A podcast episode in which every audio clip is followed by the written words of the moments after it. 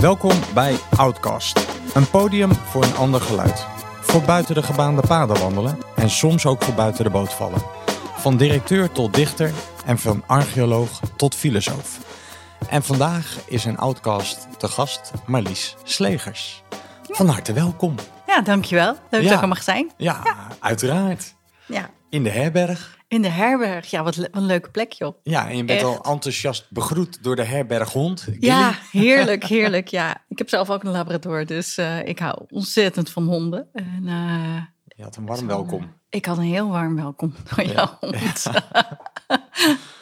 Nou, Ja. nou, superleuk dat je er bent. En even voor de mensen die jou eh, niet kennen. Ehm, je bent schrijfster van, eh, van boeken voor kinderen, jeugd en volwassenen. Eh, inmiddels 53 boeken geschreven, dus, dus dat zijn er nogal wat. Yep. Toevallig Ja, ja. is dit ook de 53ste outcast die ik opneem. Toeval eh, bestaat niet. Nee, dus dat bedacht ik me. Kijk, het staat Ja, op mijn blaadje. grappig. Ja. 53, dat bedenk ik me nu. Ehm, ja, je bent spreker, je bent dagvoorzitter, je bent schrijfcoach. ja, je houdt van storytelling. Ehm, en, ja, en de rode draad is denk ik wel de kracht van het geschreven en het gesproken woord. Ja. Hè, wat door alles bij jou, eh, ja, wat, wat door jou heen loopt. Ja, Dus ja, dat, dat, dat, ja daar ben je in een notendop. En, ja eh, eigenlijk wel. ja, en ik, ik, ik ben zelf ook een, een groot fan van schrijven. Ja. Eh, en ook van het, eh, nou, van het geschreven en het gesproken woord. Dus ik vind het wel heel erg leuk eh, dat je hier bent. En mijn dochter heeft je ook al even mogen begroeten. Want die had een, een van jouw boeken, leest zij op school, I Ja. Love Live. ja, leuk. Ja. Dus ik had al verteld Ja. van Marlies Slegers komt langs. Je vindt het vast wel leuk om haar te ontmoeten. nou, ze is zich extra snel gaan aankleden. Ah, goh, ja. Ja, leuk. Ja. Ja, als ik het geweten had, had ik boeken mee kunnen nemen. Maar die stuur ik nog wel op. Ja. Ja, komt goed. Nou, en ik, ja, ik, ik, ja, ik vind het gewoon heel erg leuk dat je de gast bent in, eh, in Outcast. Nou, en ik vind het leuk dat je me vroeg. Dus Ja. eh, let's go. Dan Ja. kunnen wij eh, een leuk gesprek van maken, Ja. denk ik. En, en wat maakte dat je ja zei? Want we, ken- we kennen elkaar eigenlijk helemaal niet Nee. verder. Nee, je kwam via LinkedIn natuurlijk binnen. En ehm, eh, ja, je had gewoon een aansprekende mail van... oh, zou je het leuk vinden om in Outcast... Ik heb een aflevering geluisterd toen. Ik moet heel eerlijk bekennen dat ik niet meer weet met wie, maar met een vrouw. ik vond het wel heel erg leuk toen. Ehm, en toen dacht ik, ja, hier zeg ik ja tegen. En dit vind ik gewoon leuk. Ik, ik hou ook van dingen doen die eh, out of my comfort zone. Dit is niet, niet dat dit out of my comfort zone is, maar meer van, oh ja, iets nieuws, leuk, waarom niet? Ja, ik ken Simon nog niet, ik ken Outcast nog niet. Nee, dus laten we dat, laten we dat doen. Gewoon. Bij Dus, twijfel eh, doen. Ja, bij twijfel doen. Ja, gewoon eh, daar zit, weet je, daar, dat is gewoon de kleine avontuurtjes op een dag. Ik had ook nu thuis kunnen zitten en eh, dan- dan, schrijven. Dan, dan zou ik zitten te vertalen nu. Ja. Ik ben een boek aan het vertalen, jeugdboek, eh, met een deadline voor maandag. Dus dat had ik dan gedaan. Maar nou, nu zit ik in Lexmond en ik reed al langs een paar leuke winkeltjes en een, zo'n straatpiepje. En dat ik dacht van, oh wat leuk, hier was ik anders nooit geweest. Dus helemaal, ja, ik vind dit leuk. Ja, nou, fantastisch. En eh, nou, je hebt natuurlijk muziek ook meegenomen. Ja. Want de, nou, de, ik denk wel de ruggengraat van Outcast is zijn persoonlijke levensverhalen. Eigenlijk ook een persoonlijk kijkje achter de schermen. En ook in de zin van, van wat heb je nou persoonlijk doorleefd om je professionele verhaal ook tot leven te brengen. En ehm, ja, en muziek werkt dan een beetje ook als een tijdmachine. Ja, Weet je, om nou, absoluut. je, Ja. ja, je eigen verhaal zo te raken. En wellicht Ja. ook wel een beetje de nood te kraken van, eh, nou, van, van wie je bent en wat je zo hebt beleefd. En dat doen we dan in een uur. Dus eh, nou, weet je, dat is bij lange Superleuk. na natuurlijk nooit voldoende om een leven te vatten. Maar het geeft iets van een, eh, nou, een tipje van de sluier wordt Ja. opgelicht. Dus, nou, en, en om te beginnen, dan maar eh, meteen terug in de tijd. Je bent geboren in Breda, ja, 22 oktober 1965. 1965, ja. Lang geleden. Ja, wat herinner je van die tijd? Van die geboorte niet zoveel.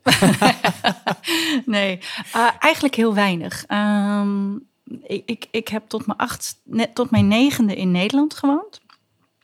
Ehm, en ik, mijn eerste actieve herinneringen zijn, denk ik, pas rond mijn derde, vierde levensjaar. Herinner ik me een paar kleine dingen.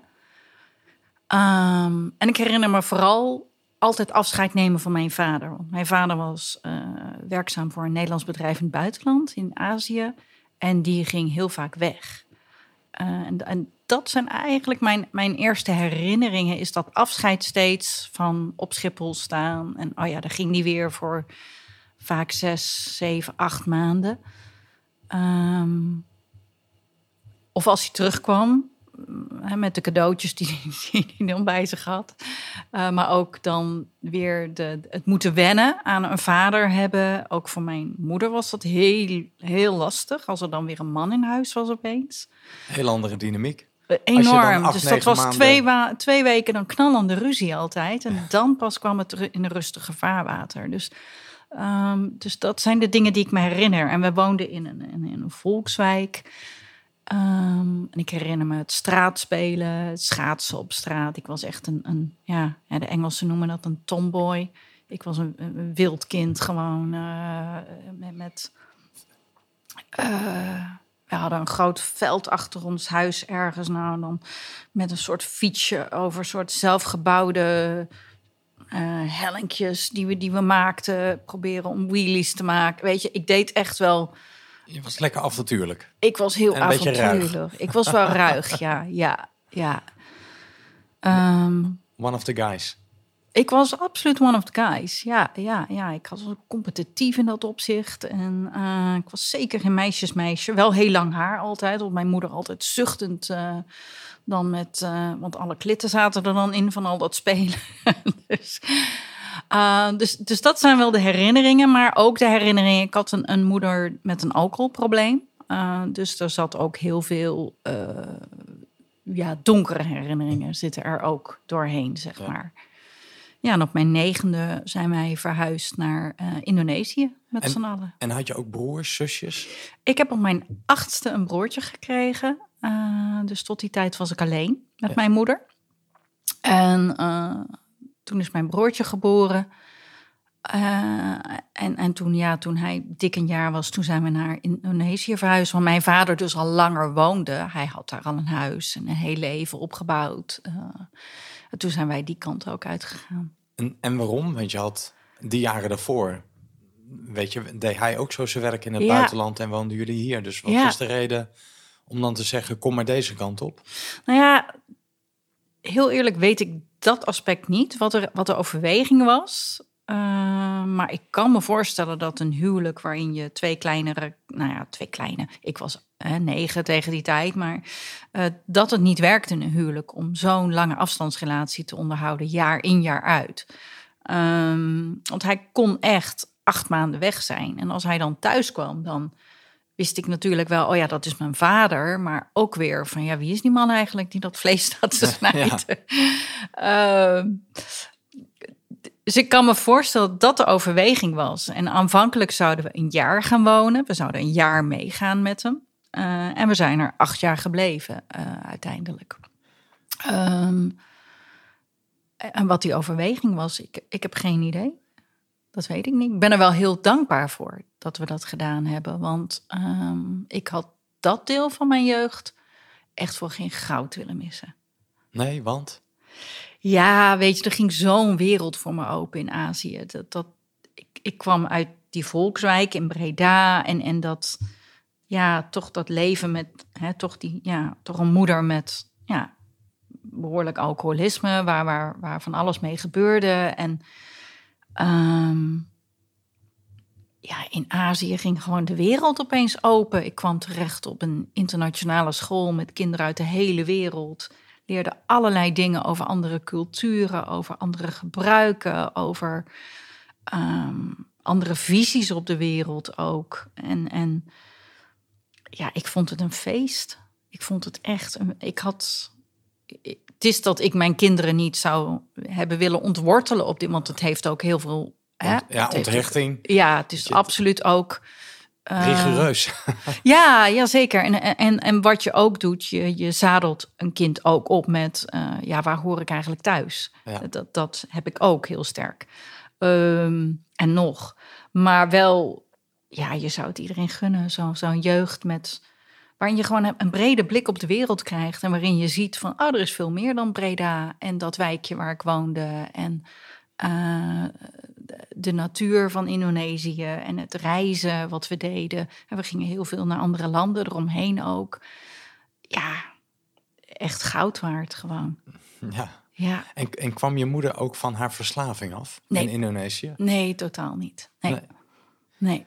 dat, die nam ze mee. Ja, ik dacht Ja. misschien dat een eh, verandering van omgeving daarin eh helend kan werken. Ja, nou, voor mijn moeder was ehm, naar Indonesië verhuizen. Ik, ja, ze had heimwee eigenlijk altijd naar Nederland. En dat, dat hielp ook al niet. Ehm, tegelijkertijd eh, waren er ook aspecten aan dat leven waar ze ook wel van hield. Hè? Het reizen, het, het an- andere cultuur vond ze ook wel weer leuk. Maar dat drankprobleem, dat bleef. Eh, en dat bleef ook, dat werd alleen eigenlijk maar erger eh, in, in de loop van de jaren. Met een enorme apotheose uiteindelijk toen we een paar jaar terug in Nederland waren. Een apotheose in de zin Ja, van dat een, het een, gewoon- een, een enorme uitspatting. En toen is ze opgenomen geweest in een, eh, eh, in een ziekenhuis voor een paar weken, maanden. ja. ja, een paar weken, maanden. Ja, ja maanden. Wat lang.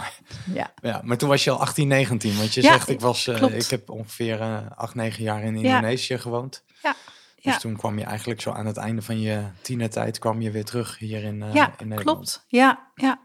En dat was heel erg wennen. Want hè, net zoals het wennen is om naar het buitenland te gaan, was terugkomen in Nederland, vond ik echt een zo'n culture shock. Ik was tussentijds wel steeds naar Nederland gekomen op vakantie. Want eh, vanuit mijn vaders bedrijf mochten we eh twee maal per jaar naar Nederland op verlof.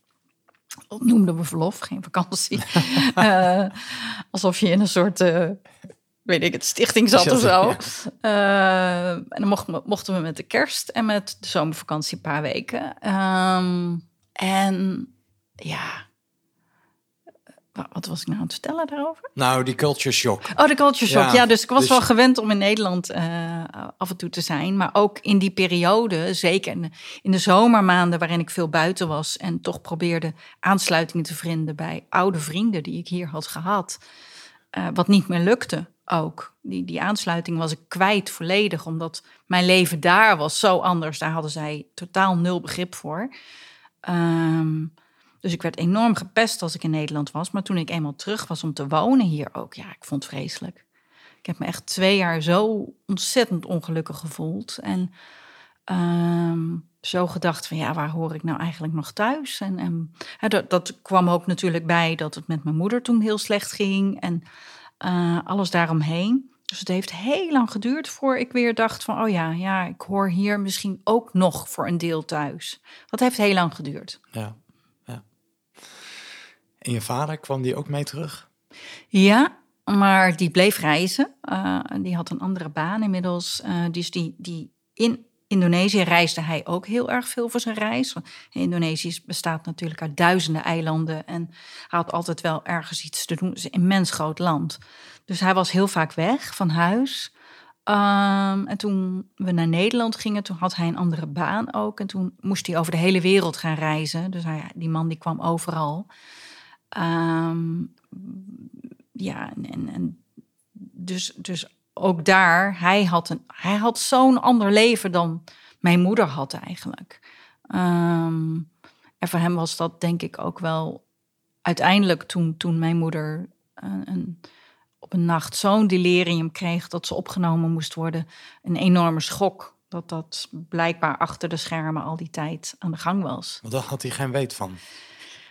Ja, dat, dat weet ik niet. Of sloot hij daar zich een beetje de ogen voor? Ik denk het. Ja. Ik denk, ja, je moet dat toch gezien hebben van je vrouw. Ja, je zou, ja, ja. Ja, dat vind ik, dat is voor mij altijd een vraag gebleven. Iets, eh, mijn moeder leeft niet meer. Met mijn moeder kon ik wel praten over wat er gebeurd is vroeger. Eh, met mijn vader, die leeft nog, is dat lastiger. Dus ik kan hem ook niet vragen van, joh, maar heb je het nooit geweten dan? Of, of waarom sloot jij je ogen voor wat er met mij gebeurde thuis? Ehm, dat weet ik niet. Ik neem hem dat ook niet kwalijk, want ik denk dat dat een pure onmacht is geweest. Ehm, enerzijds eh, misschien wel het idee van ja, maar als ik, als, ik er, als ik het erken, dan moet ik er iets mee. En misschien betekent dat dat ik een andere baan moet. Of dat we terug naar Nederland moeten en in een regulier leven moeten gaan passen. Eh, en ik denk dat hij dat nog lastig vond. Ja. Ja. Maakt me ook nieuwsgierig dat ik denk, wat, ja, wat zat er eigenlijk achter dat je moeder zo, zo'n zucht had naar alcohol? Weet je, wat verdoofde ze daarmee? Ja, ik denk dat ik dat wel weet, maar eh, dat hou ik eh, buiten dit gesprek. ja, ja, dat mag. ja, Dat mag. ja, dus de- de- het was er en eh, dat was nu eenmaal het feit. Ja. En, en ehm, ik had wel het geluk, denk ik, dat ik al heel snel als kind kon zien of kon denken voor mezelf: van ja, dit is een ziekte. Ik moet het zien als een ziekte. En niet als iets wat ze bewust doet om mij te pakken steeds. Ehm, want er kwam wel wat, eh, behoorlijk wat geestelijke mishandeling bij kijken, altijd. Ehm, maar het heeft heel lang geduurd voor, voor ik erover kon praten, zoals ik dat nu kan. Ja. Weet je, dat, dat heeft denk ik wel, nou, ik denk dat pas een jaar of twintig geleden voor het eerst dacht van laat ik het eens rustig vertellen tegen mensen soms af en toe. Zo, Eh. soms, zo af en toe. Ja, dan gewoon kijken van hoe, ja. wordt, ja, hoe wordt erop gereageerd. En, en je voelt ook een loyaliteitsconflict. Hè? Want ik wilde mijn ouders nooit afvallen natuurlijk. En je wil niet zeggen van ja, eigenlijk was dat helemaal niet oké wat er thuis gebeurde. Ehm, en dat vind ik nog steeds een lastig aspect. Hè? Ja. Omdat je eigenlijk... eh, Je wil ze beschermen. je wilt ze nog, ja, nog steeds wel. Ik wilde ook vroeger nooit dat iemand wist wat er gebeurde thuis. Dus, dus ik was op school een enorme clown en enorm outgoing. En, en heel erg van, oh kijk mij eens. En, Ja, eh, bijna een soort compensatiegedrag. ja, enorm, enorm. Als, als mensen maar dachten dat ik happy was. En, Ja. en leuk Oh, en een- vrolijk. ja. En oh, kijk Zal eens het allemaal wel goed zijn. Ja, Maar ondertussen. ja, ja, dat je dat echt bezig bent met dat, met dat te bedekken gewoon de hele tijd. Nou, ik, ehm, ik denk dat het ook zo langzamerhand wel tijd wordt voor, een, eh, voor het eerste nummer van de dag. Voor Ja. wat muziek. Ja, Wellicht dat je er even een paar zinnetjes aan kunt wijden naar welk nummer we gaan luisteren. Nou ja, jij vroeg naar nummers en toen dacht ik, jeetje, moet ik dan iets van die tijd nemen? Ik dacht, nou, dan kom ik uit op Elvis Presley of iets van jazz, want dat draaide mijn moeder eindeloos. Ehm, en toen dacht ik, ja, maar dat is niet mijn muziek. En wat is nou voor mij, ja, ik, ik ben heel textueel ingericht, ik luister enorm naar teksten. En in mijn periode dat ik zo af en toe toch een zoektocht had naar houvast vanwege mijn moeder, ben ik ook een poos heel religieus geweest. Echt eh, in de heren, eh, we hadden heel veel missionaries in, in Indonesië. En die overtuigden mij van, nou, als je maar gaat geloven in Jezus, dan komt het thuis ook allemaal goed. Ehm, en dat ben ik toen gaan doen, een poos lang. En hoe oud was je toen? Ah, toen was ik 13, 14. Oké. Ehm, en eh, toen had ik ook posters door mijn hele kamer gemaakt. Jesus loves me. En weet je, dat, dat er maar iemand van mij hield in, in die situatie waarin ik me soms bevond.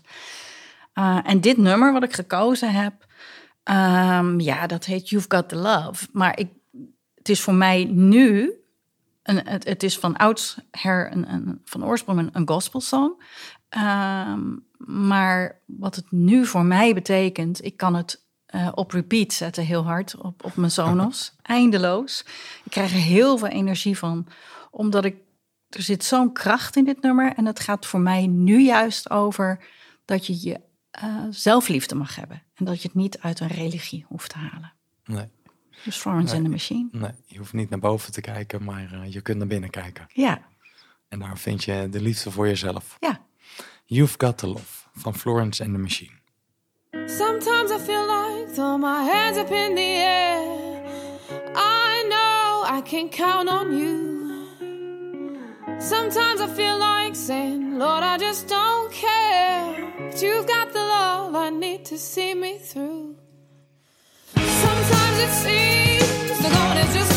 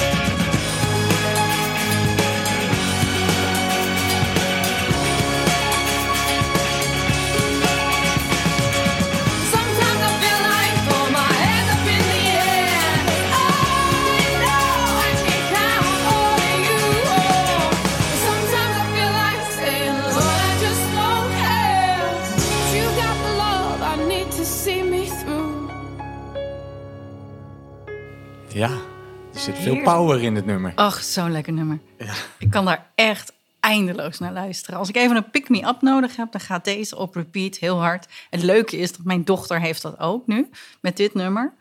Wij kunnen hier helemaal vanuit ons plaat gaan.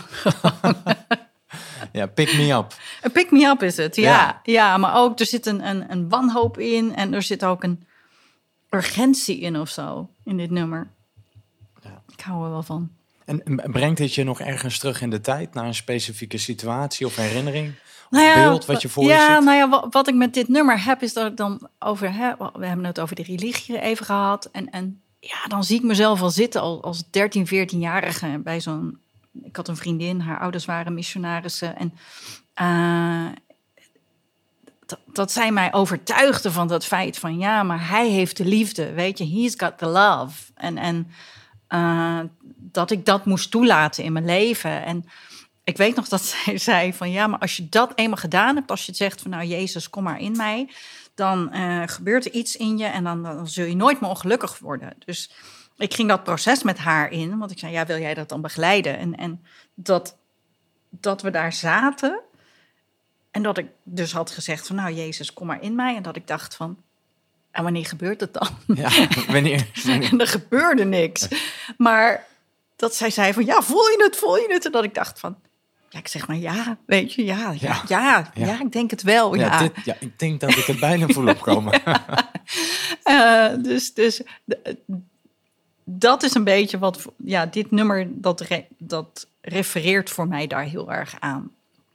Niet, ah, niet dat dit nummer toen bestond, maar Nee. dat, dat roept het bij me op gewoon. Ja. Maar ook de periode daarna waarin ik heel erg dacht van... nee, de liefde zoek ik in mezelf. En ehm, ik ben ook afgestapt toen van de religie uiteindelijk. Losing my religion. Losing my religion. Ja. Een mooi nummer. ja prachtig.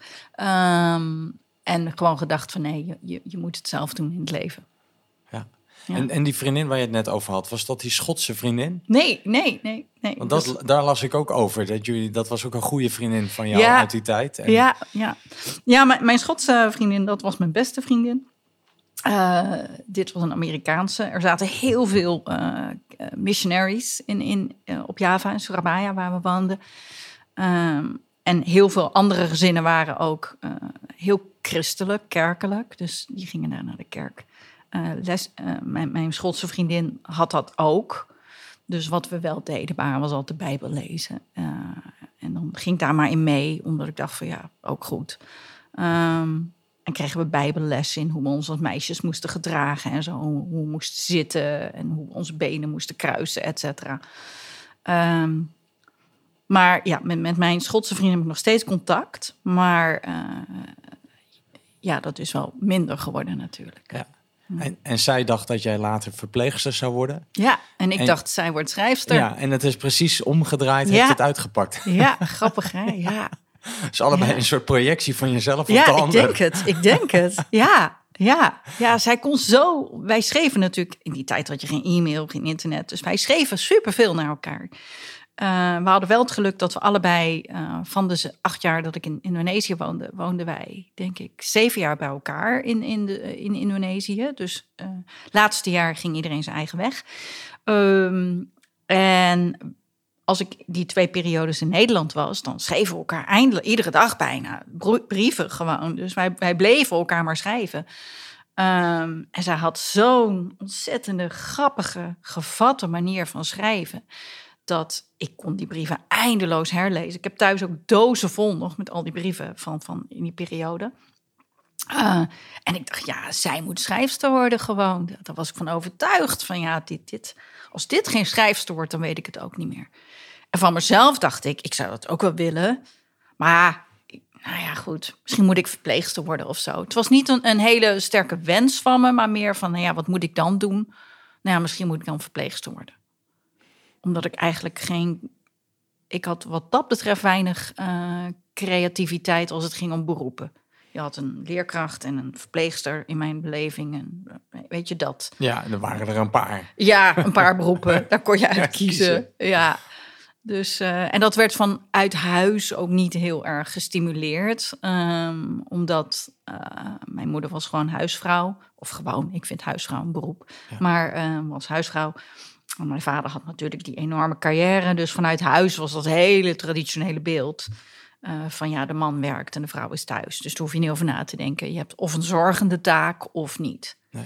Uh, en we hebben het wel over de jaren 80, 90. Maar ja. toch was dat ja. wat mijn ouders voorstonden. Ja, ja. ja. nog een, een traditioneel beeld over de rolverdeling. En ja, wat zeker. de plek voor de vrouw en de man is in de ja, samenleving. zeker, zeker.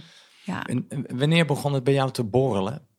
Dat je dacht, dat schrijven, dat... dat want je, toen je terugkwam in ja. Nederland, ben je eerst commerciële economie ook nog gaan doen. Ja. Echt zo'n opleiding in mijn optiek altijd, als je niet weet wat je wil, dan Precies. doe je dat. Ik deed management, economie en recht. Ja. Dat waren de twee studies in mijn herinnering. Van als je niet weet, kies je één van die twee. Dan, zal, onge ongeveer wel goed, goed uitkomen. Klopt. Nou, ik, ik schreef in Indonesië al heel veel. Uh, in dagboeken en zo. Dagboeken, maar ook verhalen. Uh, ik had op een gegeven moment, ik las, ik had zo'n leeshonger. Dus ik had superveel gelezen. En toen was, er, was ik door alle boeken heen zo'n beetje. En toen dacht ik, ja, en nu?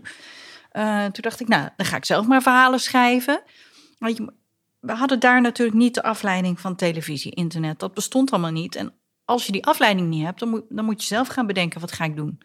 Um, en, en daar woonden we ook niet in een omgeving dat ik gewoon naar vriendinnen kon lopen of zo. Die woonden op een half uur rijden van ons vandaan. Dan moest je met de auto en chauffeur, moest je naar... Dus je zat altijd geïsoleerd en daar ga je heel creatief van worden.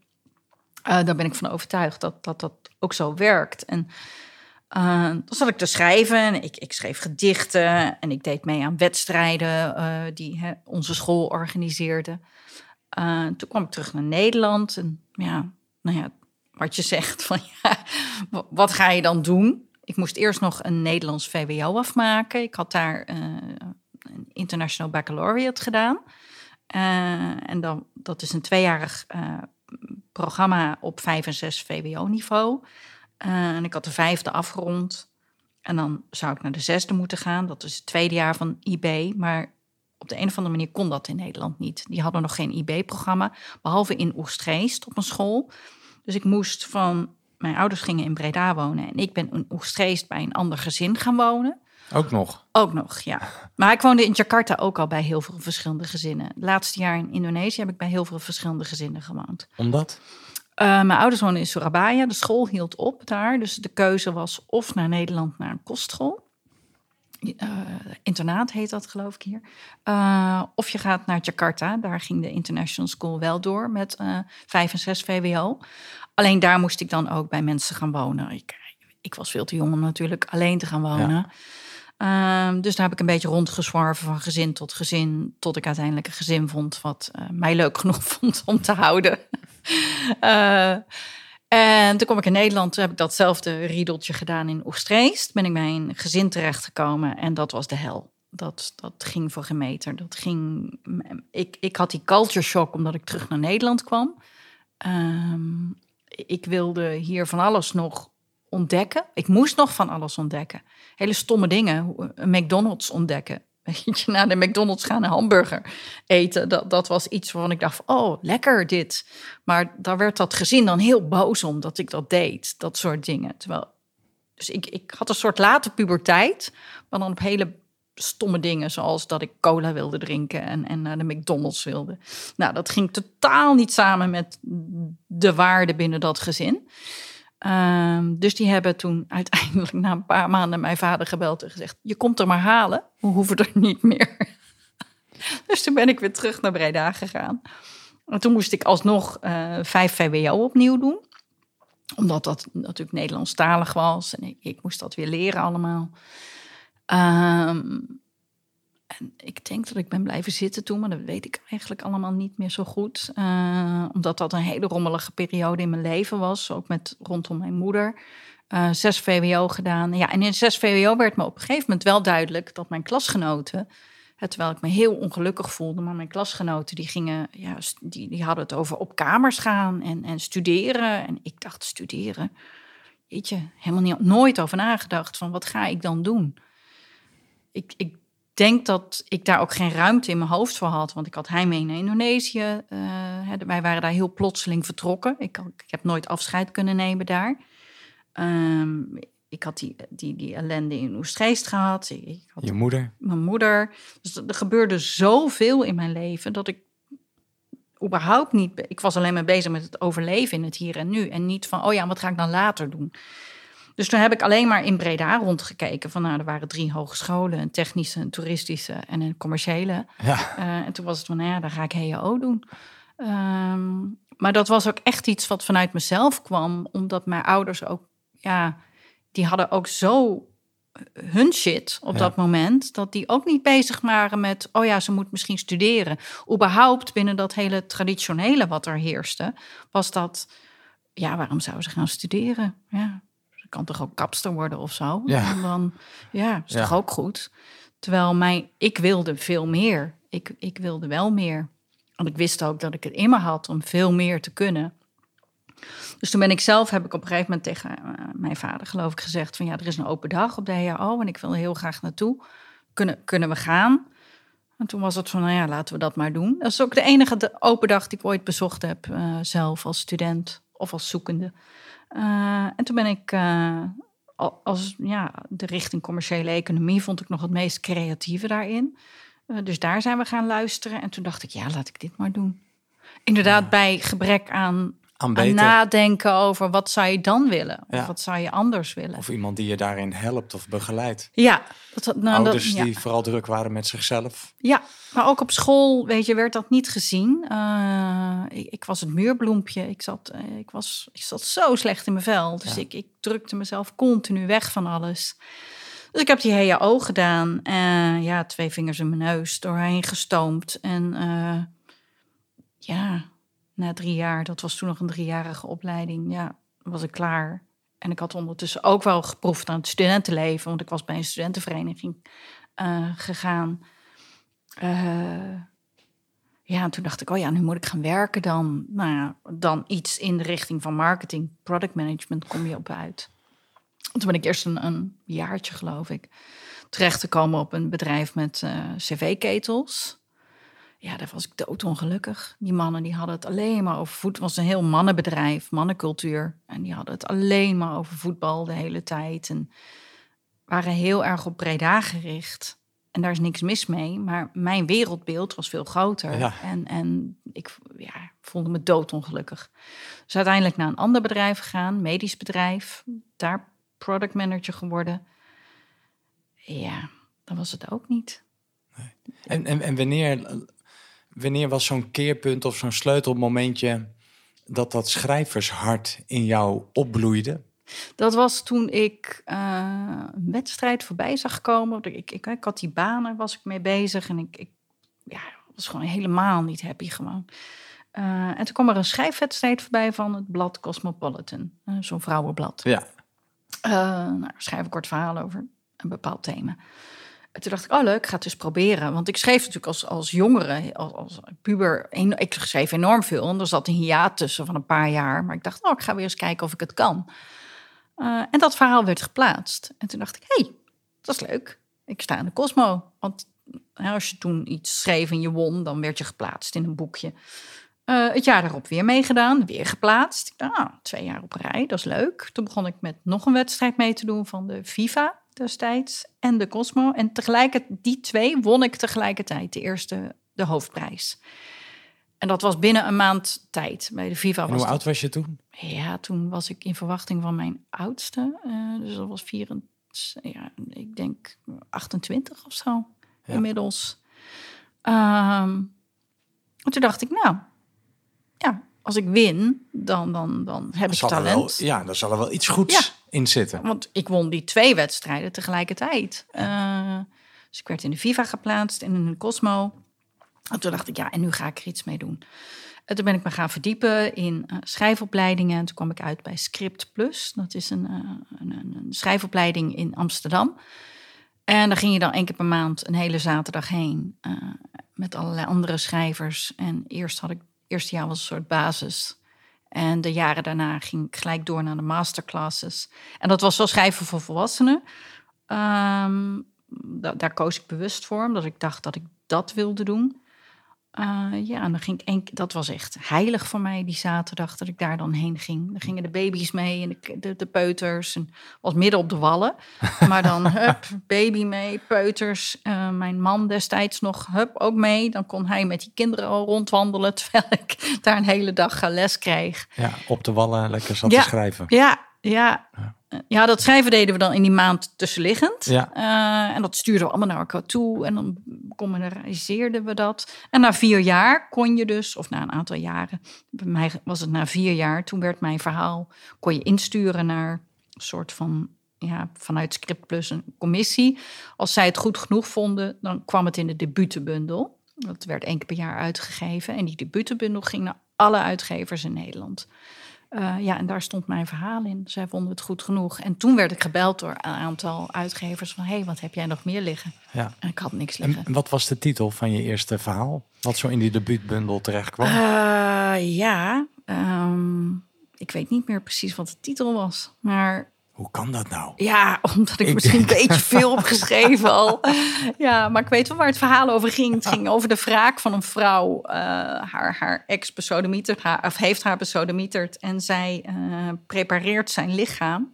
eh, en maakt er een, zij, zij maakt er een beeldhouwwerk van. Dus zij giet hem in cement uiteindelijk uit. Of in, en zoiets was het. Een beetje gruwelijk verhaal. Een beetje het. gruwelijk verhaal. Ja. nou ja. Hey, en, en het, ik, ik weet niet, eh, het tweede nummer van de dag wat je hebt meegenomen. ja, Weet je, dat past misschien bij een iets later moment, denk ik. Ja, ja, ja. Want ik, ik was die, ik, ik, ik, ik was dat schrijven eh, na die opleiding. Toen dacht ik, oké, toen heb ik, ik had inmiddels kinderen en mijn oudste zoontje kreeg diabetes toen hij zeven jaar oud was. En dat was voor mij het moment waarop ik voor kinderen ben gaan schrijven. En toen heb ik al het andere laten vallen. En toen dacht ik van ja, ik ga hem uitleggen wat hij heeft in kindertaal. In, in, in de vorm van een leuk, avontuurlijk verhaal. Dat verhaal had ik uiteindelijk naar een eh, farmaceutisch bedrijf gebracht. En zij zeiden top, dit is wat we missen in Nederland. Dus dat werd vervolgens in alle ziekenhuizen van Nederland uitgerold. Voor kinderen die diabetes krijgen, kregen dat boek mee.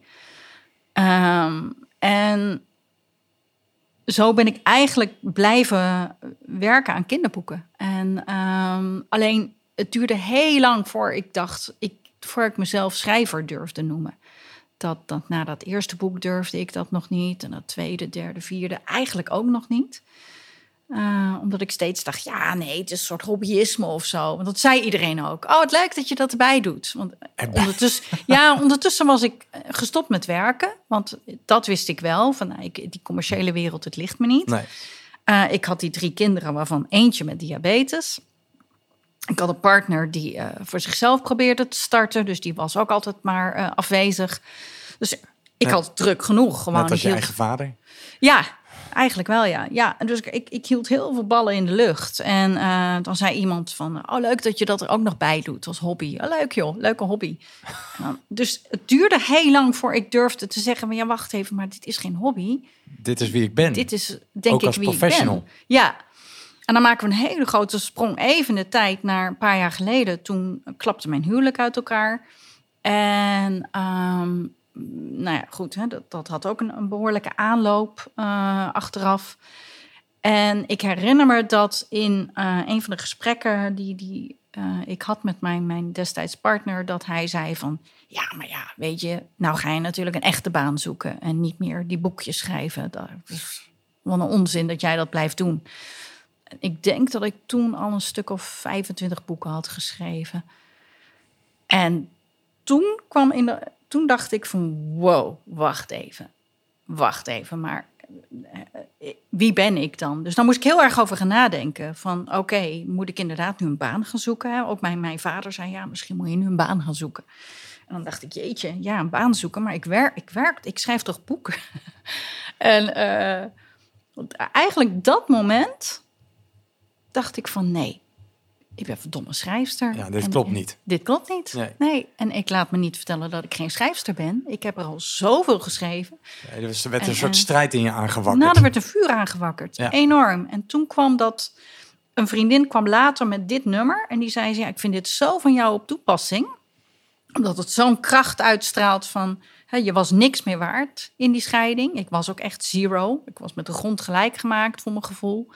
Door je partner dan? Of gewoon door de situatie? Gewoon, door alles. Door, eh, mijn partner verliet ons gezin heel plotseling. Eh, dat was niet, eh, zag ik niet aankomen. En me echt gewoon als, als oud vuil afgedankt gevoeld. En ook de kinderen. En ehm, uit die, ik, ik stortte het volledig in. Want mijn moeder was ook net overleden. Dus het was stapeling op stapeling. En hoe oud was je toen? Eh, dit was eh, eh, een kleine zeven jaar geleden. Ehm, Toen was je ongeveer 45. ja, nee, 50. Ja, ik ben 57. Oh, ik dacht, eh, Eh, wat jonger. ja. Ik, Ja, ik- maar je zegt net ze- 65, dus ja, dat had je kunnen weten. ja, dat klopt. ja. Nee. Eh, dus ik was eh, rond, ja, ik was, ik was 50, 51 en eh, hij vertrok, mijn moeder overleed. Eh, ik was daarvoor overleden eigenlijk. En, en eh, ja, ik stortte volledig in. Klaar. Er was niks meer van mij over. En toen kwam ook nog hè, van, oh ja, nu moet je misschien wel stoppen als schrijver. Tenminste, dat werd opeens door eh, gesuggereerd allemaal. En toen dacht ik, ja, wacht even. En ik weet nog dat mijn oudste zoon zei op een dag tegen me... mama, jij gaat gewoon als een soort phoenix uit die as herreizen. En dat vond ik heel mooi, want dat herreizen, weet Ja. je wel. Van, wacht even, je denkt misschien dat ik een hoopje as ben geworden... maar here I am. Ja, net als Jezus trouwens, uit de dood opstaan. Ah, kom, het is toch full circle dan? Ja, zoiets. En toen kwam mijn vriendin met eh, dit nummer uiteindelijk. En toen dacht ik, ja, weet je, dit is, daar zit een zin in. From zero to being my own hero. En toen dacht ik, ja, dat klopt wel. Daarna, ik heb de meest fantastische boeken. Mijn, mijn grootste productiviteit is onmiddellijk na die scheiding gekomen. Juist doordat dat vuur toen werd Ja, aangestoken. vanuit destructie kwam een soort creatie Ja. voort. Ja, Ja, een soort van, wacht even. ja, Dit nu- ga ik even laten zien. Ja. Niet zomaar Nee, dat schrijfstuk ik laat me niet meer wegzetten als een Nee. muurbloempje Nee. in mijn eigen leven. nee.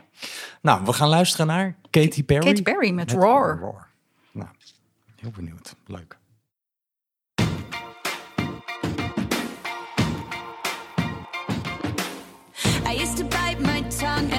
My breath, scared to rock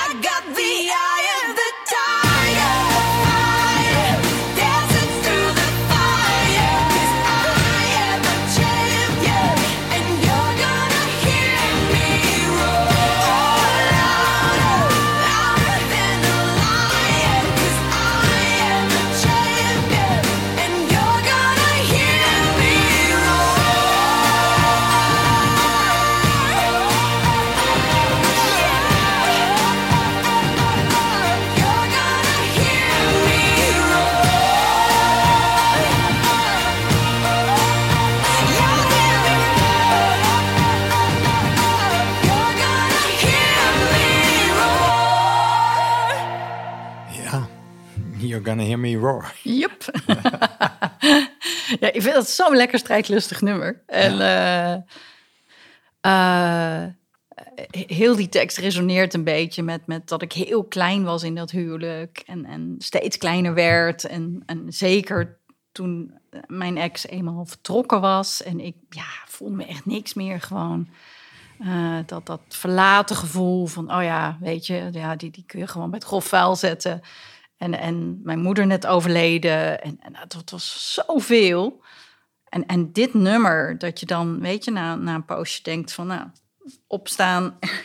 En het as, ja, het, het Ja. as van je afschudden. Ja, en dan gewoon zeggen van, nou, pff, eh, kom, Ja. eh, go on. En eh, het leven door laten gaan. Nou, ik vind er heel veel kracht uitkomen. Ja. Ja, en ook wel een soort lijn of zo die er doorheen loopt. Hè, van ja, jouw, jouw vader die eigenlijk ook regelmatig je moeder verliet. Hè, doordat hij steeds op reis ging. En eigenlijk ook jou en je broertje op een gegeven moment eh, verliet met zijn reizen. Zo dat plotselinge vertrek vanuit Indonesië weer terug naar Nederland. Hè, waarin Ja. je ook eigenlijk ja, slecht afscheid hebt kunnen nemen. Dus dat, ja, dat, dat verlaten worden dat steeds vertrekken. En ook dan eh, je man die je zo plotseling verlaat. Dus dat, nou ja, wil niet zeggen dat er veel vergelijking in zit, ook met de, zo tussen je vader en je moeder. Maar ja, dat, eh, Ja, nou ja, kijk, kijk, mijn ouders zijn altijd getrouwd gebleven. Die, eh, die hebben dat allemaal eh, overleefd. ja, dat ze continu uit elkaar zijn.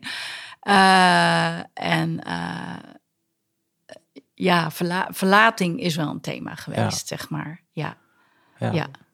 Steeds jezelf weer eh, bij de lurven dan pakken om er maar wat van Ja. te moeten maken. ja zeker, zeker. En ehm, kijk, een huwelijk kan eindigen, punt. Eh, zo simpel is het. Nee, alleen, ook, ja, Eh, alleen in dit geval, mm, ik denk, hè, iedere scheiding is anders, iedere scheiding is uniek.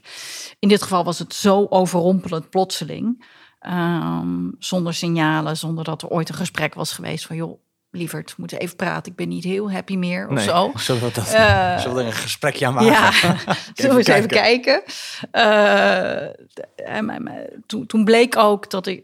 Ja, hij zat in een enorme midlife crisis en, en ik, ik, ik had nul vat meer op de situatie. Nou, en ik ben een enorme control freak. En als er dan één situatie is waar je echt nul vat meer op hebt... omdat de ander alle kanten uitschiet, dan, dan is dat wel heel lastig. Ja, Ja. Diepe zucht.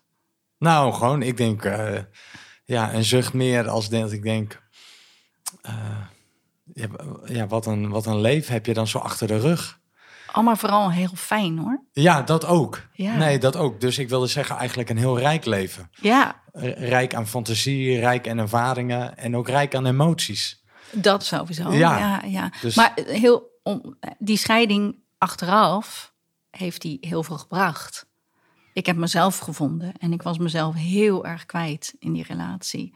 En door die scheiding heb ik mezelf, ben ik helemaal weer mezelf mogen gaan ontdekken en vinden. En ehm, ik vind dat heel verrijkend. Ja, Ja. ja dan kan er... eh, laatst hoorde ik van iemand, er zit soms een goudmijn in het as. Ja, Snap je? Dus in Ja. het as van de Phoenix zit, Ja. kun je zien als een soort goudmijn. Ja, nou, die Japanners hebben ook een mooie term. Hè? Die, die, ik weet niet hoe die gaat precies meer. Dat is een woord dat als iets gebarsten is, dan eh, maar vul je dat, die barst op met goud. Ja, ja, die vaasjes. Ja. ja, En, en ja, zo, zo voelt het wel een beetje. Van, ehm, ik ben gebarsten, maar Ja. eh, ja, er is absoluut ook schade toegericht. Hè? Die, die, voel ik, die draag ik ook nog mee daardoor. Maar ehm, ik, ik, de- verrijking eruit, namelijk mezelf vinden, mijn, mijn carrièrepad vinden. Ik ben, ik, ik ben retraites op Bali gaan organiseren na die tijd. Weet je, ik ben, ben echt dingen gaan doen. Met, eh, ik heb Eat Stay Right opgericht voor die retraites. Ik heb een boek geschreven over die hele scheiding, wat heel veel vrouwen helpt. Ik krijg heel veel mails van vrouwen over welk boek? Dat heet eh, Het is maar een scheiding. en ehm, ik, ik krijg ze, ja, ik heb een besloten groep op Facebook opgericht eh, waar vrouwen zich kunnen melden en, en waar ze hun verhaal kunnen doen, waar ze troost kunnen vinden. Ik krijg veel mails van vrouwen die mijn boek hebben gelezen en zeggen van ja, weet je, dit is mijn verhaal letterlijk. Dit is die midlife crisis. Ik ben ook zo verlaten. En dat geeft zo'n steun om te weten Ik ben dat niet je- alleen. ja, dat je niet alleen bent, maar ook van hé, hey, eh, je kunt je leven ook weer oppakken op de een of andere manier. Ja, Ehm, het is ook een kans. nou ja, je moet het wel als een kans zien. En, en eh, dat is helemaal niet makkelijk hoor. Ik bedoel, het heeft mij jaren gekost. Die eerste twee jaar, denk ik, twee, drie jaar was ik echt alleen maar heel verdrietig en eh ineengestort. Maar toen dacht ik ook wel van ja, maar. En daar heeft straks dat laatste nummer ook mee te maken. Van ja, voor mijn gevoel is er maar één leven. Eh, ik weet niet of er meerdere zijn, maar ik ga er voor nu maar even van uit dat dit het is. Ja, dat is de hypothese. Ja, ja, totdat die anders bewezen wordt. Eh, Gaan we er maar vanuit ja. dat dit het is. Ja, en, en ehm, dan ben je eigenlijk bijna eh, schatplichtig aan jezelf om daar echt iets moois van te maken. Ook als je allerlei shit hebt. En ehm, eh, om dan toch proberen om, om daar de magie van door te blijven zien. En, en het fijn te hebben. En dan kan ik dus de rest van mijn leven gaan lopen treuren om die man. Ehm, en natuurlijk zijn die momenten er nog. Van, hè, maar ik had toch zo'n fijn huwelijk of zo'n fijn leven. Maar dat heeft geen zin. Ehm, je, moet, je moet de magie in andere dingen, ja, in andere dingen gaan vinden. Ja. Ik vind het ook wel mooi dat eigenlijk al die ervaringen in jouw, in jouw leven ook zo van materiaal zijn geweest om over te schrijven. Ja, alles. Ja, dat ik echt denk dat is, dat zijn dan ook plekken waarin je dingen weer kunt verwerken. Klopt. Ja, Weet je dat, althans, ik weet niet hoe schrijven voor jou werkt. ja. nee, ik verwerk zelfs Bijna een soort therapie ook. Weet Ja, je, dat, maar absoluut, je absoluut. schrijft het van je af. Het, Ja. het, het, je, je systeem schoon je eigenlijk daarmee ook op. Ja, door het gewoon klopt. uit je te schrijven. Ja, er komt. het- mijn boeken de laatste jaren gaan ook veel meer de diepte in. Gaan, gaan over thema's als rouw, afscheid nemen, afronding, eh, ehm, scheiden. Mijn laatste boek, eh, mijn laatste jeugdboek, We moeten je iets vertellen, gaat over een meisje dat te horen krijgt dat haar ouders uit elkaar gaan. Maar ik heb daar een hele andere draai aan gegeven, maar wel de emoties van dat meisje, van rondom. Hoe hoe voelt dat? Die ouders die scheiden inderdaad. Uh, maar volgend jaar of het jaar daarop wil ik eigenlijk toch een jeugdboek gaan wijden aan ja, een meisje wat leeft in een dysfunctioneel gezin met een moeder die alcohol consumeert en et cetera. Um, een paar jaar geleden had ik dat nog niet gekund. En mm, alles wat ik doe is een soort uh, toewerken naar dat ik dat soort boeken kan schrijven.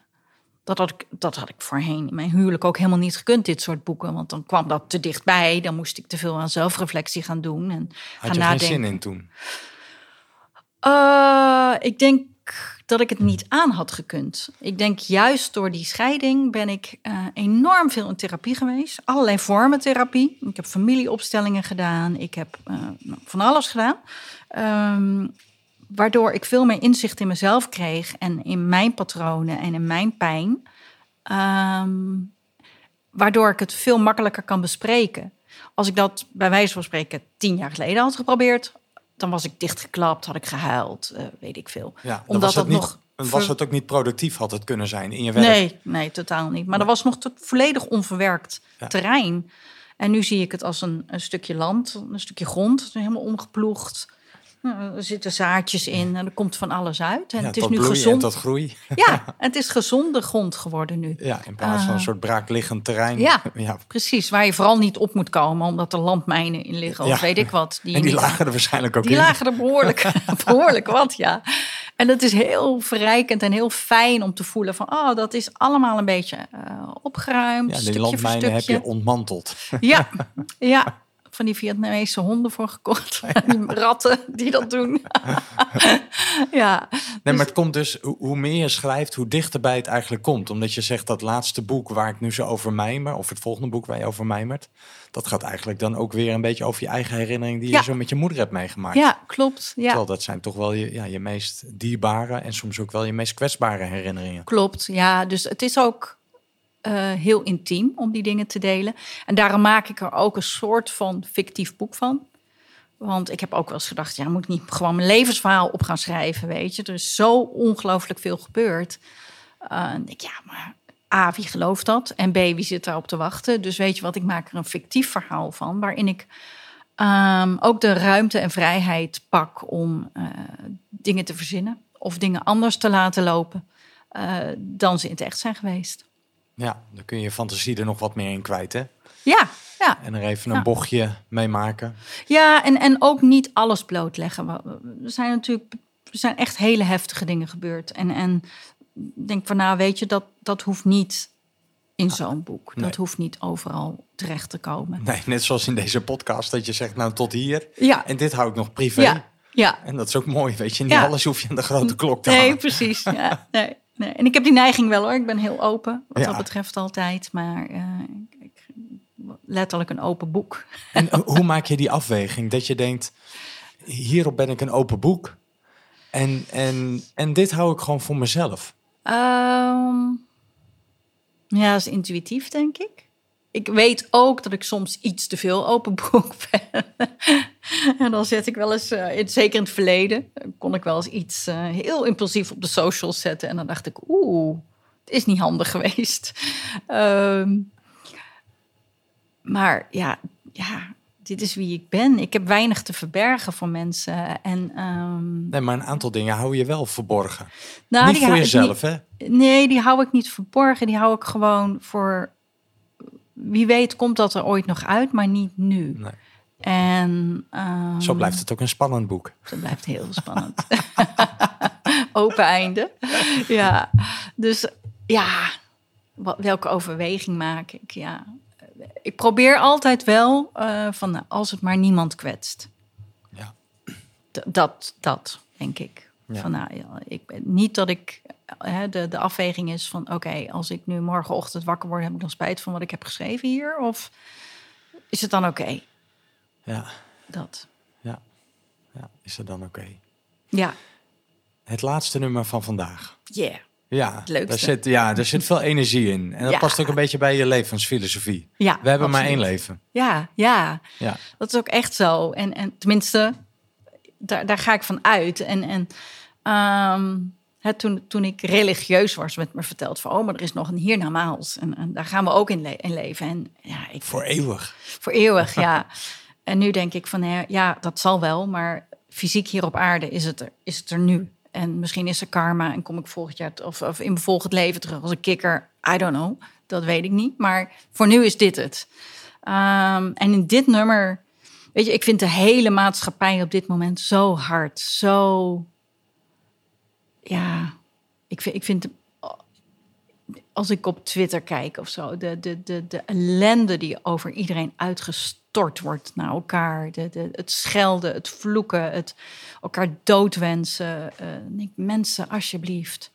Weet je, kijk om je heen en, en geniet gewoon van wat er wel is. En in plaats van altijd de focus op wat die ander fout doet of niet goed doet in jouw ogen, of hoe die erop uit is om jou te pakken. En um, probeer de magie gewoon nog een beetje. Want het, hoe, hoe wonderlijk is het dat je ooit gewoon uit een biologisch proces ontstaan bent. En, en, en, het levenslicht zag. Ja, ja, dat is toch fantastisch. En, en dat je dan de kans krijgt om, om dromen waar te maken. Of, of om te doen wat je wil. En om, om lief te hebben en te lachen en te feesten en te reizen. En, en dat, is toch magisch? En, en waarom die focus op alles wat heel erg fout gaat de hele tijd en wat iedereen mij wel niet aandoet. En, en ja, nee. Dus dit nummer wat ik gekozen heb, ja, dat, dat, dat, dat past daar heel erg mee, omdat ik het leven wel zie als een groot avontuur. Ja, nou dan gaan we naar een avontuurlijk nummer luisteren. Ja. Het is van Coldplay. Yeah. Ik ga er dinsdag heen, dus ja? ik heb er heel veel oh, zin in. en het nummer heet Adventure of a Lifetime. Ja. Nou, veel luisteren. Ja.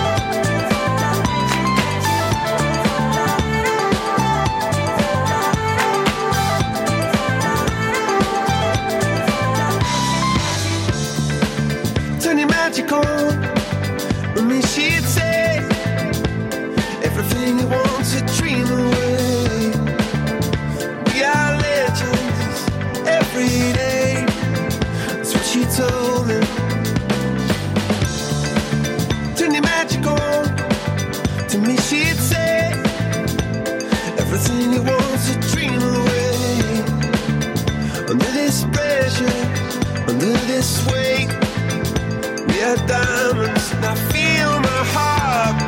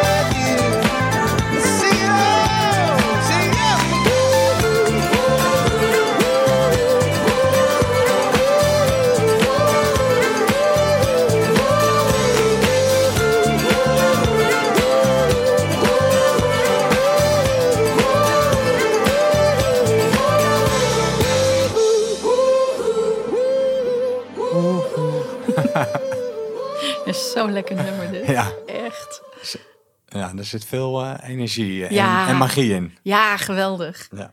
Ja. Dus Ja, ja, daar zitten we dan. ja, Zo in het nawoord van ons gesprek. ja, ja.